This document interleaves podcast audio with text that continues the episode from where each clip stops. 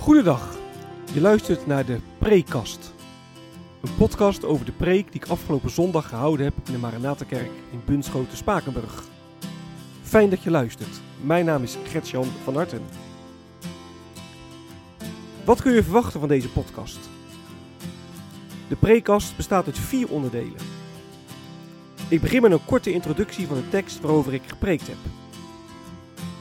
Vervolgens geef ik een korte samenvatting van de preek zelf. En met korte samenvatting bedoel ik ook echt kort. Tijdens mijn opleiding heb ik geleerd dat preken schrappen is. Niet alles wat je in de voorbereiding gevonden en bedacht hebt, kan terugkomen in de preek. Wat heb ik laten liggen wat het overdenken wellicht waard is? Daar wil ik het over hebben in het derde deel van de preekkast. En tenslotte sluit de preekkast af met een aantal verwerkingsvragen. Vragen die je kunnen helpen om de preek te overdenken en of toe te passen. Ik wens je veel luisterplezier.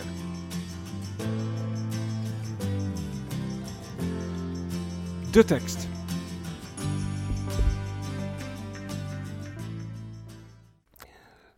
De preek van vandaag ging over 2 Timotheus 1, vers 13 en 14. En de preek is uh, de eerste preek in een uh, prekenserie over, het tweede, over de tweede brief die Paulus aan Timotheus geschreven heeft. Ik hoop hier samen met mijn collega Jan Meijer de komende weken over te preken. En we hebben uh, ingepland dat we op 25 oktober de prekenserie afsluiten. De tweede brief aan Timotheus is geschreven uit de gevangenis. Paulus schrijft in uh, 2 Timotheus 4 vers 6 het moment waarop ik heen ga nadert. Paulus weet mijn, uh, mijn einde is aanstaande. Ik overleef dit niet. En Paulus geeft in deze brief als het ware het stokje door aan Timotheus. Het is een soort afscheidsbrief. Nou, vanuit Handelingen 16, vers 1 tot 3 weten we dat Timotheus een niet-Joodse vader en een Joodse moeder had. Hij was als kind niet besneden. En Paulus die, die liet hem, hem laten besnijden. Want daardoor had nou, Timotheus een betere ingang in de synagoge. En was hij voor Paulus ook waardevoller in het missionaire werk onder de Joden. Nou, we kennen de zogenaamde tweede zendingsreis van Paulus. En op die reis is Timotheus ook met Paulus meegereisd. En in een, een, zestal brieven van Paulus wordt Timotheus ook genoemd als een, ja, een mede-afzender. Timotheus die had een, bijzondere plek in het hart van, uh, van Paulus. Nou, in 2 Timotheus uh, 1 lezen we uh, allereerst dat nou, Paulus zegt, ik denk met, met, met dankbaarheid aan Timotheus. Ik ben echt heel erg blij. Ik weet dat je een oprecht geloof hebt Net zoals je grootmoeder en, en je moeder. En ik ben ervan overtuigd dat jij dat ook hebt, zegt hij dan in vers 5. Nou, hij spoort Timotheus vervolgens aan om het vuur brandend te houden, brandende te houden. En schaam je niet voor het evangelie. Het zou zomaar kunnen. Hè? Ik zit zelf in de gevangenis, Paulus. Als jij mij moet volgen in het werk van Christus, kan het ook jouw gevangenschap opleveren. Is natuurlijk geen prettig vooruitzicht. Het betekent lijden. Maar schaam je niet voor, wees bereid om te lijden. En uh, dan zegt uh, Paulus in uh, vers 9 dat het evangelie, dat hij leidt op het evangelie, maar dat het evangelie ook zegt hè, dat God ons gered heeft en geroepen heeft. En dat ook echt genade is. Genade die ook zichtbaar wordt dan in Christus Jezus. En om dit evangelie leid ik, zegt hij dan in vers 11 en 12. En dan komen we bij de tekst, bij vers 13 en 14. Dan zegt Paulus, ik zal het even ja, voorlezen maar. Neem als richtsnoer de helzame woorden die je van mij hebt gehoord. Hou vast aan het geloof en aan de liefde die in Christus Jezus zijn. Bewaar door de Heilige Geest die in ons woont het goede dat je is toevertrouwd. Nou, en in de versen 15 en, en, en 16 lezen we dan dat er ook mensen waren die uh, nou, dat niet gedaan hebben, mensen die afgehaakt zijn. Mensen die uh, eerst in, in, in Christus geloofden die de, de zaak ook toegedaan waren, om het zo te zeggen, maar die zich van Paulus hebben afgekeerd. En dat heeft uh, nou, zijn, zijn gevangenschap uiteraard verzwaard. Tegelijk zegt Paulus ook One, Onesiphorus die heeft mij wel opgezocht. Toen, hij, toen hij in Rome kwam, is hij bij me geweest. En daar ben ik ontzettend blij om. Want hij heeft nou, veel voor mij betekend. Dat is een beetje in, in vogelvlucht 2 Timotheus 1. De preek.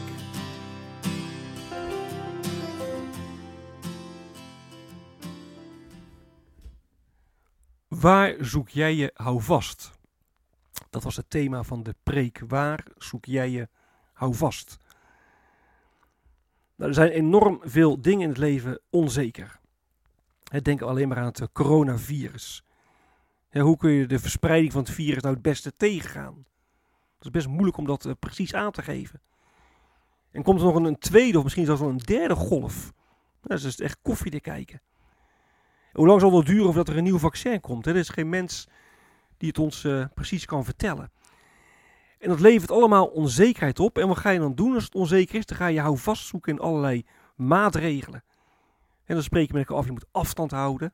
En als je besmet bent, moet je in quarantaine. En op zich natuurlijk helemaal niet verkeerd, hè, want ja, je moet echt dealen met zo'n virus. Maar het is wel goed om na te denken, hè, in al corona gebeuren, in alle onzekerheid rondom corona. Waar vind je nou, waar vind je nou jou vast? kun je echt naar eer en geweten zeggen dat je onderaan de streep echt alleen op, ja, op God vertrouwt? Of verwacht je toch vooral van, van menselijke maatregelen? Nou, er is ook heel veel onzekerheid hè, in de kerk. Als je om je heen kijkt, ook in onze, in onze, eigen gemeente, dan, dan zie je dat ook. En dan proef je ook wel een stukje verdeeldheid. Hè? Gewoon heel simpel al over de vraag welke koers we als kerk moeten varen. Nou, waar vind je dan jou vast? Nou, je kunt dan jou vast zoeken in alle afspraken. Hè? Zeggen, nou, we spreken gewoon dingen af en daar houden we elkaar aan. En dan komt het wel goed.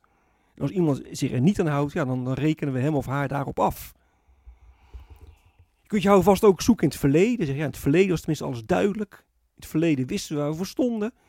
Terug naar het verleden en dan komt het allemaal wel goed. Of je zoekt je hou vast in, in allerlei veranderingen. Hè? Zeg, alles moet op een schop alles moet radicaal anders. En als we het anders doen, ja, dan, dan zal de gemeente wat tot bloei kunnen komen. Nou, dan zoek je jou vast dus in allerlei uh, ja, maatregelen. Nou, ik denk dat Paulus in de tekst een hele andere weg wijst. Paulus zegt, hou vast aan het geloof en aan de liefde die in Christus Jezus zijn. In vers 13. Echt, bij, of echt, alleen, echt, alleen echt hou vast, dat vind je bij, bij Jezus Christus want Jezus Christus is onze redder. En Jezus Christus die heeft ons tot, tot kinderen van God gemaakt. kinderen waar God liefdevol verzorgt. En alleen dat geloof geeft echt houvast. Dat is eigenlijk wel wat, uh, wat zondag 1 van het catechisme zegt. Hè? Waarin is u, wat is uw enige troost in leven en sterven? Hè? Waar vind je nou echt houvast in? En zegt zondag 1 zo mooi. Ja, dat vind ik eigenlijk alleen in het feit dat ik eigendom ben van Jezus Christus. Dat geeft echt troost. Dat geeft echt houvast. Nou, Paulus heeft die boodschap altijd verkondigd. Hè. Hij noemt in vers 13 ook, ook helzame woorden. Hij zegt, hij neem als richtsnoer de helzame woorden die je van mij hebt gehoord. Ik heb je altijd al verteld, Timotheus, dat het gaat om Jezus Christus en om het evangelie van Jezus Christus. Dat zijn dus helzame woorden. Je kunt ook zeggen gezondmakende woorden. Het evangelie van Christus brengt, brengt zondaars bij God. En zo komen mensen echt tot hun bestemming en ja, dan kunnen mensen ook echt leven, leven vanuit de liefde. Dan komt de verbondenheid en eenheid, hè? zeker ook uh, in de kerk. Nou, dat is bij de dwaalleer heel anders. De dwaalleer die, die, die voert juist bij Christus weg. De dwaalleer leidt tot verdeeldheid. Paulus die schrijft er ook over in, in 1 Timotheus 2 vers, vers 17. Hè, daar zegt hij, uh, want dwaaleraren, wat, wat, wat dwaaleraren vertellen, dat woekert voort als een gezwel. Hè, dat dwalen is als een, als een kanker. Het leidt echt naar de dood. En dat is natuurlijk precies wat de duivel wil? Die, die verdeeldheid. En als je in de gemeente verdeeldheid uh, merkt en ziet, dan kan een reflex zijn van, nou, met kunst en vliegwerk gaan we proberen iedereen binnenboord te houden. We gaan hier een stapje harder zetten en daar een stapje langzamer en dat een beetje masseren en dat een beetje aanpassen. Maar uiteindelijk is dat allemaal uh, symptoombestrijding en ja, de kwaal wordt niet aangepakt. er is maar één echt medicijn. En dat zijn de helzame woorden van het evangelie van Jezus Christus. Je kunt ook zeggen Jezus Christus zelf. Hij is het medicijn. Zijn woorden, vers 13, moeten dan ons richtsnoer zijn. Moeten ons echt door, door God laten leiden, Jezus Christus laten leiden, door, door zijn liefde. Hij is onze redder. Hij is de Heer van ons leven. Hem moeten we volgen. En alleen dat werkt genezend. In je eigen leven, maar ook in het leven van de gemeente. Nou, het evangelie van Christus is een kostbaar geschenk. Paulus die vergelijkt met een onderpand in vers 14. En dan zegt hij, bewaar door de Heilige Geest die in ons woont het goede dat je is toevertrouwd. We moeten zuinig zijn, zuinig zijn op wat, ja, wat God ons gegeven heeft. We moeten het zorgvuldig bewaren. En dat spreekt niet voor zich, daar moet je echt heel bewust voor kiezen. Je moet altijd heel bewust kiezen voor een leven met Jezus Christus. Nou, het is niet vanzelfsprekend dat je daarvoor kiest. Dat zie je ook in vers 16, of in vers 15, sorry. daar heeft Paulus over mensen die zich afgekeerd hebben van hem. Het spreekt niet voor zich dat je kiest voor een leven met de Heer Jezus. Nou, waar vinden wij individueel, persoonlijk, maar ook als, als gemeente ons houvast? Nou, dat is een vraag waar we niet omheen kunnen en waar we ook echt ja, eerlijk over na moeten denken en ook eerlijk antwoord op zullen moeten geven. Vinden we echt houvast alleen bij Jezus Christus? En bidden we daar ook vurig voor? En verlangen we daar ook echt, echt oprecht naar? En geloven, dat komt je niet aanwaaien. Geloven doe je niet alleen op zondag. Geloven vraagt echt iedere keer weer om ja, bewuste overgave. En vandaar dat appel dus van Paulus. Hou vast aan het geloof en aan de liefde die in Christus Jezus zijn. proef Gods liefde, proef Gods, Gods goedheid en genade in Christus Jezus. En als je dat proeft, ja, dan kun je het vol overtuiging zeggen. Waar vind ik mijn hou vast? Ja, in, in Christus Jezus natuurlijk. Waar anders?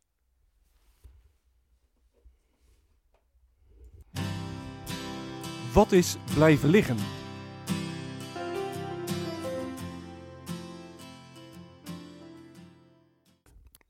Ik wil dit keer uh, drie punten noemen die uh, zijn blijven liggen, waar ik in de preek geen of weinig aandacht aan besteed heb. Het allereerste is uh, aan vers 5, waar het gaat over de, de rol die de grootmoeder en de moeder van Timotheus gespeeld hebben als het gaat om de geloofsopvoeding. Daar kun je een aparte preek over maken. Op zich ook erg interessant, ook de rol van, van grootmoeders. Hè. Zeker ook in nou, een, een, een dorp als Spakenburg. Het valt me op dat, uh, dat oma's hier best wel een, uh, een belangrijke rol hebben. Ik heb geen aandacht besteed aan vers 7, over dat God ons een geest van kracht gegeven heeft, niet van lafhartigheid. Dat heb ik helemaal laten liggen, omdat Jan Meijer daar vorig jaar over gepreekt heeft met Pinksteren.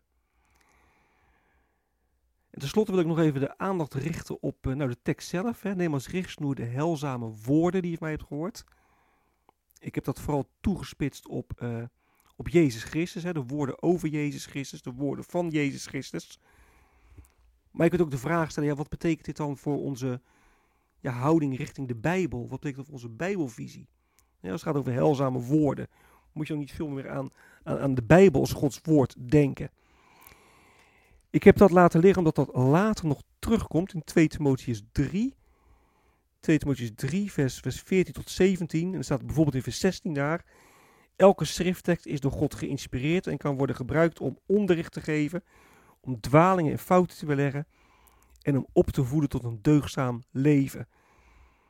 Dus is de bedoeling dat in de preek over 2 Timotheus 4, en die is gepland bij Levende Welzijn uh, op 4 oktober, om daar dan meer aandacht aan te besteden.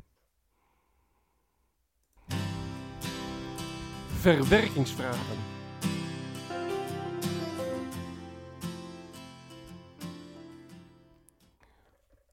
Op het preekblad bij deze preek heb ik ook dit keer weer een viertal vragen opgenomen. vragen waar je zelf uh, over na kunt denken, maar waar je ook met anderen over kunt uh, spreken. Bijvoorbeeld op een, uh, op een kring of zo. En de eerste vraag die ik gesteld heb is, nou het thema is waar zoek jij jou vast? Maar in hoeverre vind je nou echt houvast in het evangelie van Christus Jezus? kun je echt zeggen dat je bij, bij Christus echt houvast vindt. Dat je in Christus alles vindt wat je nodig hebt om de woorden van zondag 1 te gebruiken, om te kunnen leven en te kunnen sterven. De tweede vraag gaat over vers 14. Bewaar door de Heilige Geest Het goede dat je, dat je is toevertrouwd, zegt Paulus daar. Maar hoe bewaar je nou op een goede manier het evangelie dat je toevertrouwd is? Je moet er zuinig op zijn, je moet het uh, goed uh, gebruiken. Maar hoe doe je dat nou? Hoe ga je nou zorgvuldig om met dat enorme geschenk dat, dat, dat God geeft? Ik heb in de preek gezegd dat het evangelie van Jezus Christus gezondmakend is. Hè? Het zijn helzame woorden, zegt uh, Paulus. Dat in tegenstelling tot de, de woorden van uh, dwaaleraars. He, dwaaleraars, dat, dat is een, een, een, een ziekte, een, een, gezwel, zegt uh, Paulus in 2 Timotheus, 2 Timotheus 2. Maar wat is nu eigenlijk het kenmerkende van dwaalleer? Om goed daar eens over na te denken, om het over te hebben. Wanneer is een leer nou dwaalleer? Ja, er kunnen altijd dingen zijn in de gemeente of in de kerk waar je verschillend over denkt, zonder dat je zegt, nou dat is een dwaalleer. Wat is nou een dwaalleer? Wat is nou het kenmerkende ervan? Het laatste, de laatste wat ik heb uh, opgeschreven is, in hoeverre voel jij je echt verbonden met onze gemeente? Ik heb in de preek gezegd dat er ook in onze gemeente wel verdeeldheid is. Nou, zie je dat ook? Herken je dat of juist niet? Uh, voel je je verbonden met de gemeente? Voel je liefde voor de gemeente? Ook liefde voor de mensen die misschien heel anders denken dan jij. Mensen waar je misschien uh, moe van wordt omdat ze altijd alles willen veranderen. Of mensen waar je misschien uh, aan ergert omdat je altijd alles met oude willen houden. Ga ik natuurlijk wel zeggen, we, we, accepteren elkaar en we houden van elkaar in en dankzij Christus. Maar is dat ook echt zo? Willen wij echt als gemeente samen met elkaar uh, Christus volgen, Christus dienen? Ja, in hoeverre wil jij dat? In hoeverre wil ik dat? Nou, dat is een vraag waar we ook goed over na kunnen denken. Dit is het einde van de prekast. Mocht je vragen of opmerkingen hebben, dan kun je me mailen op mailadres van hartengretjan.gmail.com